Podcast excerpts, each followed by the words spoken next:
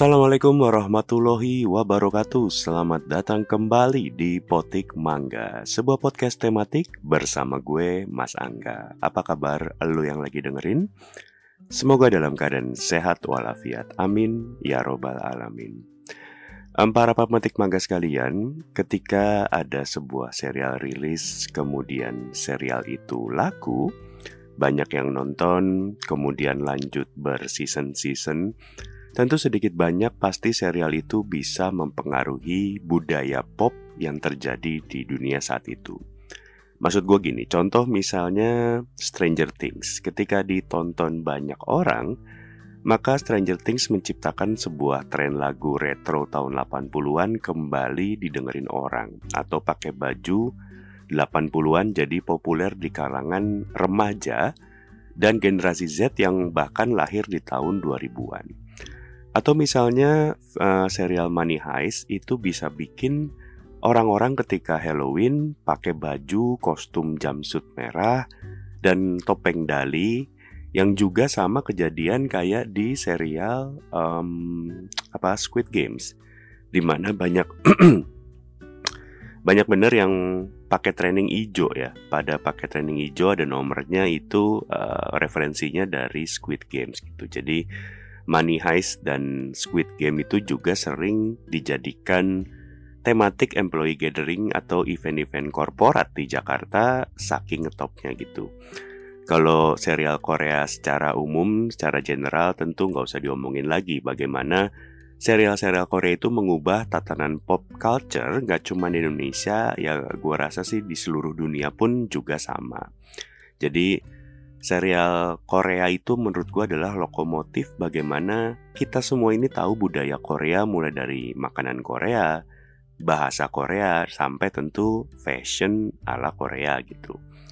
Dan bicara soal fashion, tentu ada sebuah serial yang menurut gue itu efeknya lumayan gede buat ngasih dampak kepada pop culture terutama di fashion cowok serial yang gue maksud adalah um, Peaky Blinders.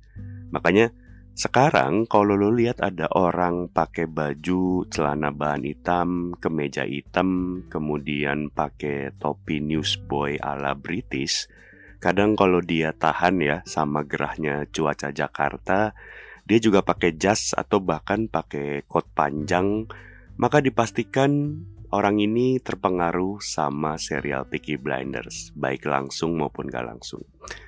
Saking ngetopnya, um, kalau lu nggak tahu gaya fashion yang gue sebutin barusan, lo bisa coba search di Google atau bahkan di e-commerce macam Tokped, Shopee atau apa pun itu. Lo coba search topi Peaky Blinders.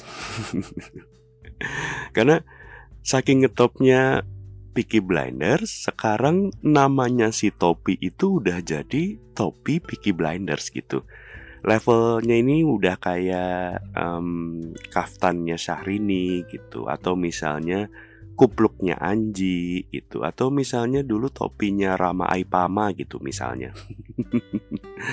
Alias mungkin Lo mungkin nih belum um, pernah sekalipun nonton Peaky Blinders satu episode sekalipun nih sampai lo dengerin podcast ini. Tapi gue rasa lo tahu kalau sekarang orang-orang yang pakai topi itu ya gara-gara Peaky Blinders. Walaupun gue juga yakin banyak orang yang ngikutin stylenya juga belum pernah nonton Peaky Blinders. Jadi apa itu Peaky Blinders?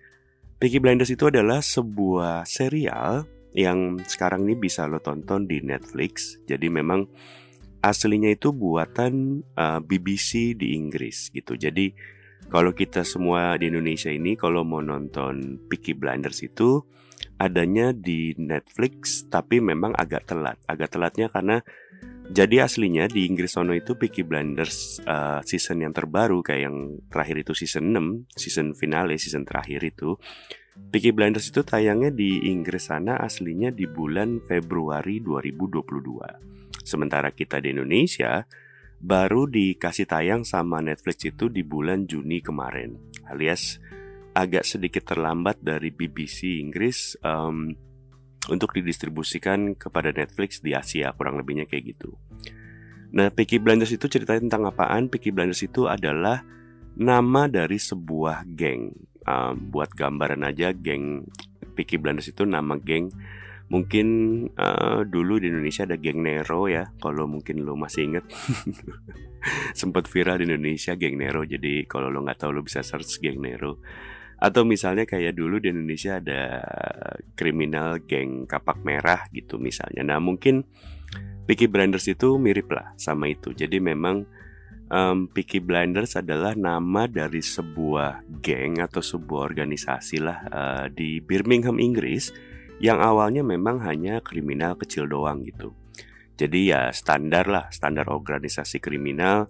Si Peaky Blinders itu menguasai sebuah daerah di Birmingham dengan operasional kesehariannya itu um, bandar judi, um, spesifikasinya pacuan kuda ya, kurang lebihnya kayak gitu.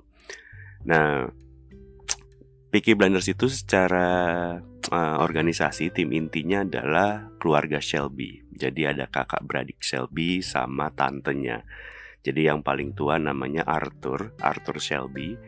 Kemudian um, yang kedua itu Thomas, Thomas itu yang jadi pimpinannya um, Peaky Blinders.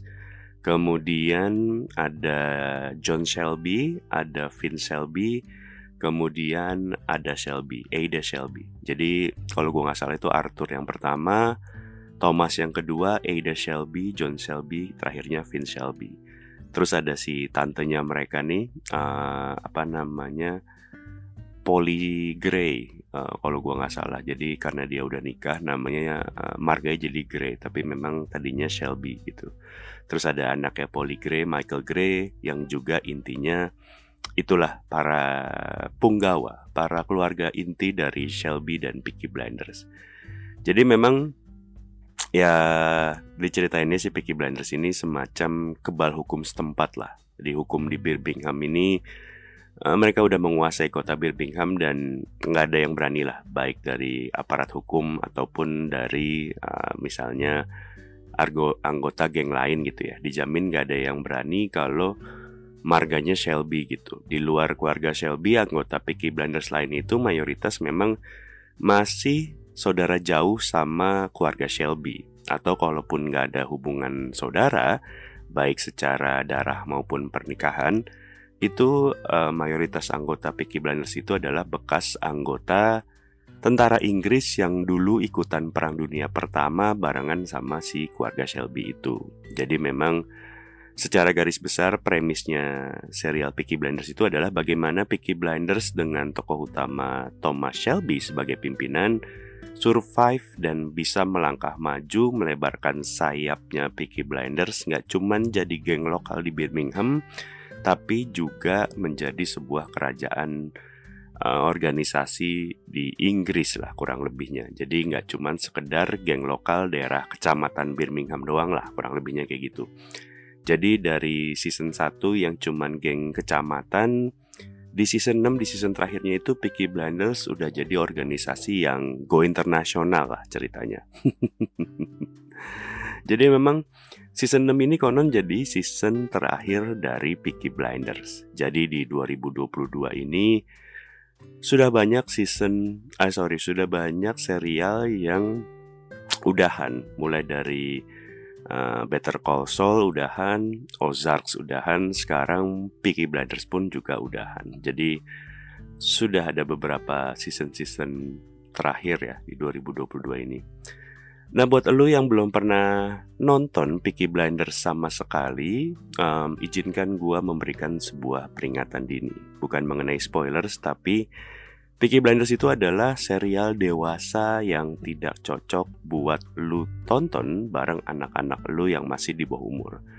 Jadi adegan dewasa di Peaky Blinders itu lengkap, mulai dari kata-kata kasar di setiap kalimat, lanjut dengan kekerasan, bunuh-bunuhan, gebuk-gebukan, tidak lupa ada konsumsi narkoba, menghisap kokain di sana sini, ada rokok nyaris sepanjang film Alkohol pun nyaris di sepanjang adegan dan tentunya disempurnakan dengan adegan seks. Setidaknya paling gak setiap episode ada satu adegan seks. Jadi memang dewasanya mentok lah nggak disisain adegan buat anak-anak tuh nggak ada gitu ya.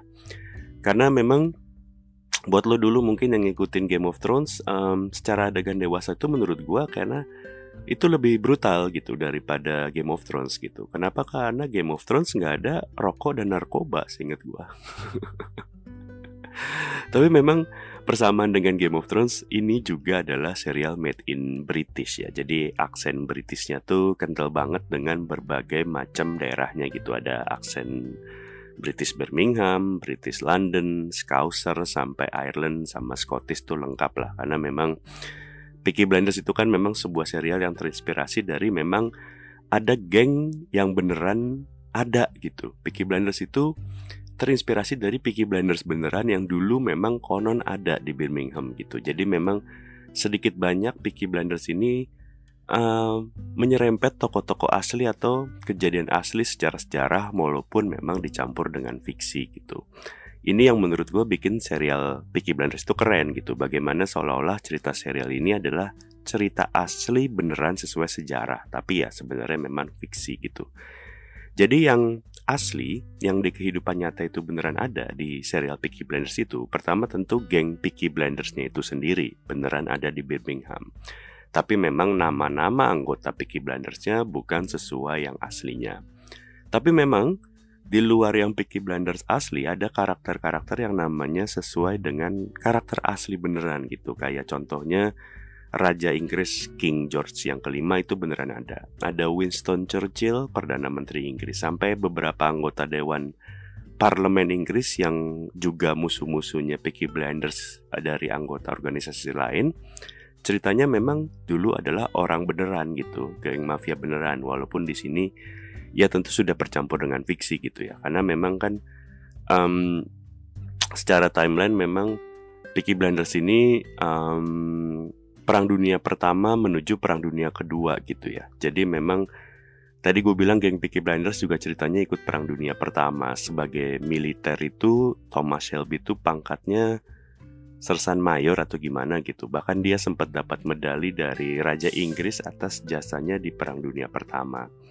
Jadi Thomas Shelby ini macam uh, anggota militer yang jadi pimpinan ormas ya. Sungguh familiar bukan?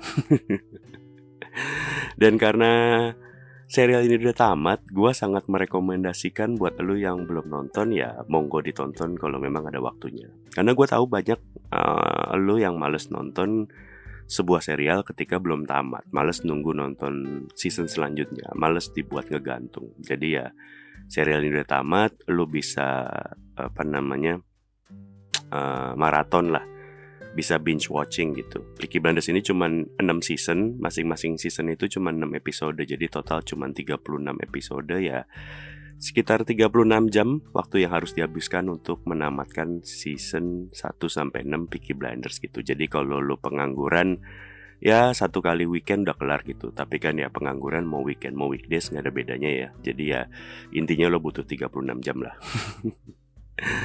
Dan buat lo yang suka politik, Peaky Blinders adalah sebuah serial yang tepat buat lo. Karena di setiap season, Peaky Blinders itu selalu ketemu lawan politik yang lebih tangguh dengan eksekusinya adalah kekerasan ala geng gitu. Karena tadi gue bilang uh, season 1 itu Peaky Blinders lawannya cuman geng mafia satu kecamatan Birmingham. Lanjut ke season 2, 3, 4, 5, 6, lawan itu terus mengalami eskalasi sampai tingkat nasional bahkan mancanegara. Peaky Blinders yang tadi cuma ngurusin judi kuda di kecamatan Birmingham itu berubah menjadi uh, juragan ekspor impor narkoba ke Amerika. Bahkan Peaky Blinders sampai punya sebuah cabang di Amerika Serikat gitu. Thomas Shelby sendiri sebagai pimpinan ormas Peaky Blinders itu sampai masuk ke politik mencalonkan diri jadi seorang anggota parlemen dan menang. Menang pemilu jadi anggota parlemen dari daerah pemilihan Birmingham. jadi ini adalah Premisnya seorang preman pimpinan ormas masuk politik dan jadi anggota dewan. Sungguh sebuah alur yang familiar bukan? jadi lumayan apa ya seru dan berliku memang walaupun uh, secara episode tidak terlalu banyak. Kalau ditanya apa kekurangannya dari Peaky Blinders ya mungkin itu tadi uh, jumlah episode yang sedikit itu membuat tiap episode atau tiap season itu jam cutnya lumayan sering gitu. Kalau seasonnya sedikit, eh sorry episodenya sedikit, jam cutnya sering, penonton dibuat berkesimpulan sendiri, maka efek sampingnya adalah adegan-adegan detail yang tidak ada. Dan adegan-adegan detail yang tidak ada, kadang buat gua itu bikin uh, gua agak kurang berempati sama tokoh-tokoh yang ada. Maksud gua gini, setiap kali ada tokoh yang mati, gue ngerasa kayak oh ya udah gitu aja karena kita tidak ada keterikatan emosi gitu. Padahal kan um, ini adalah film mafia, film geng gitu ya. Banyak bener adegan yang saling membunuh anggota keluarga. Ketika ada anggota keluarga yang mati, itu harusnya membuat kita uh, berempati atau terharu. Kayak misalnya Gue masih inget banget ketika di Game of Thrones itu Hodor mati, itu menurut gue, gue sangat sedih karena gue merasa gue berempati sama Hodor. Padahal Hodor itu kalimatnya cuman Hodor. Atau kalau di Money Heist ketika Nairobi mati pun gue juga sedih karena adegan peti mati Nairobi itu diusung keluar menurut gue tuh sangat keren sekali ya. Tapi di sini di Peaky Blinders ketika misalnya istri pertama Thomas Shelby mati ditembak gitu ya pada saat pesta si Grace Shelby, gue ngerasa ya udah biasa aja gitu. Agak kurang dapat emosinya ketika ada tokoh-tokoh yang mati karena itu tadi tidak diceritakan secara detail, tidak terlalu attach kurang lebihnya kayak gitu. Tapi memang um, konon para pembuat Peaky Blinders ada rencana untuk bikin uh, Peaky Blinders the movie. Gua nggak tahu apakah udah syuting atau belum, tapi apakah jadi beneran dibikin atau belum karena memang rencananya mereka akan membuat filmnya untuk tayang di bioskop karena ini akan jadi sebuah epilog dari kelanjutan season 6 ini. Karena memang di season 6 ini walaupun selesai tapi bisa dibilang masih ada open questions untuk uh, tokoh-tokoh yang ada di sini gitu ya standar lah sebuah ending yang tidak dibuat ending banget kalau memang nanti kapan-kapan butuh duit masih bisa kita terusin ceritanya gitu ya. Tapi memang konon para pembuat serial ini uh, memutuskan untuk tidak dibuat season 7 serialnya tapi malah akan dibuat film yang akan tayang di bioskop. Nggak tahu rilisnya kapan, nggak tahu apakah beneran udah jadi dibuat apa enggak, beneran jadi syuting apa enggak.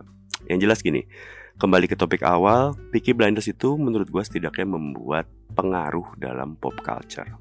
Di mana sekarang kalau lu search di Google atau search di Tokped, search di e-commerce lainnya gitu, lu akan menemukan topi Peaky Blinders. Gua nggak bilang topinya bernama apa, tapi topinya sudah bernama topi Peaky Blinders gitu. Mungkin beda kayak Squid Game yang membuat fashion baru dengan training hijau dan pakai nomors gitu ya. Uh, itu kan sebuah tren baru ya. Uh, Peaky Blinders ini sebenarnya sebuah topi yang sebelumnya udah ada gitu. Tapi memang namanya dulu bukan nama topi Peaky Blinders gitu. Konon dulu nama aslinya uh, newspaper boy cap karena dulu di Inggris sana bocah-bocah yang tukang lemparin koran pada pagi hari itu menggunakan topi ini. buat generasi Z gue tahu sih mungkin lo gak tahu koran itu apa apalagi ngalamin langganan koran yang setiap pagi dilempar sama abang-abangnya gitu nah dulu zamannya koran masih sebuah media yang kita baca setiap hari di langganan setiap hari di England sono yang ngelempar koran itu biasanya bocah-bocah sebelum berangkat sekolah bocah SD bocah SMP gitu kurang lebihnya. Jadi pagi-pagi dia sebelum berangkat sekolah ngiter ngelemparin koran ke rumah-rumah yang udah di langganan. Nah, di Indonesia topi yang sama itu sempet kita namain dengan topi Tompi atau topi Glenn Fredly. Gue lupa sih persisnya, tapi kayaknya antara topi Tompi atau topinya Glenn Fredly gitu. Kalau di skena uh, lain di stand up komedian gitu uh, Mas Akbar uh, itu juga sering pakai topi yang sama gitu. Nah sekarang topi yang sama tidak berubah bentuk sepertinya lebih populer dengan topi Peaky Blinders. Ya gue nggak tahu apakah nanti di tahun-tahun ke depannya apakah nanti akan ada serial atau film atau tokoh selebriti lain yang menggunakan topi Peaky Blinders ini sehingga nama topinya akan berubah lagi. Karena bisa aja gitu. Kalau misalnya nanti yang pakai bonge atau JJ yang sekarang lagi ngetop dan viral di Citayam Fashion Week nama topinya jadi topi bonge, topi slebeo atau mungkin topi Citayam Fashion Week ya bisa aja karena memang topi itu dari dulu sampai sekarang nama topinya berubah tergantung dari siapa yang make. Jadi ya kurang lebihnya begitu ya udah itu aja dari gua. Uh, buat lo yang belum nonton Peaky Blinders oh lo, lo memang um, tertarik menontonnya silahkan ditonton di Netflix tentunya masih ada. Gua merekomendasikan tapi itu tadi uh, jangan menonton bersama anak-anak kecuali ya lo siap resikonya untuk menjelaskan kepada anak lo adegan apa itu barusan. Terima kasih telah mendengarkan sampai jumpa di episode berikutnya dari Potik Mangga. Assalamualaikum warahmatullahi wabarakatuh you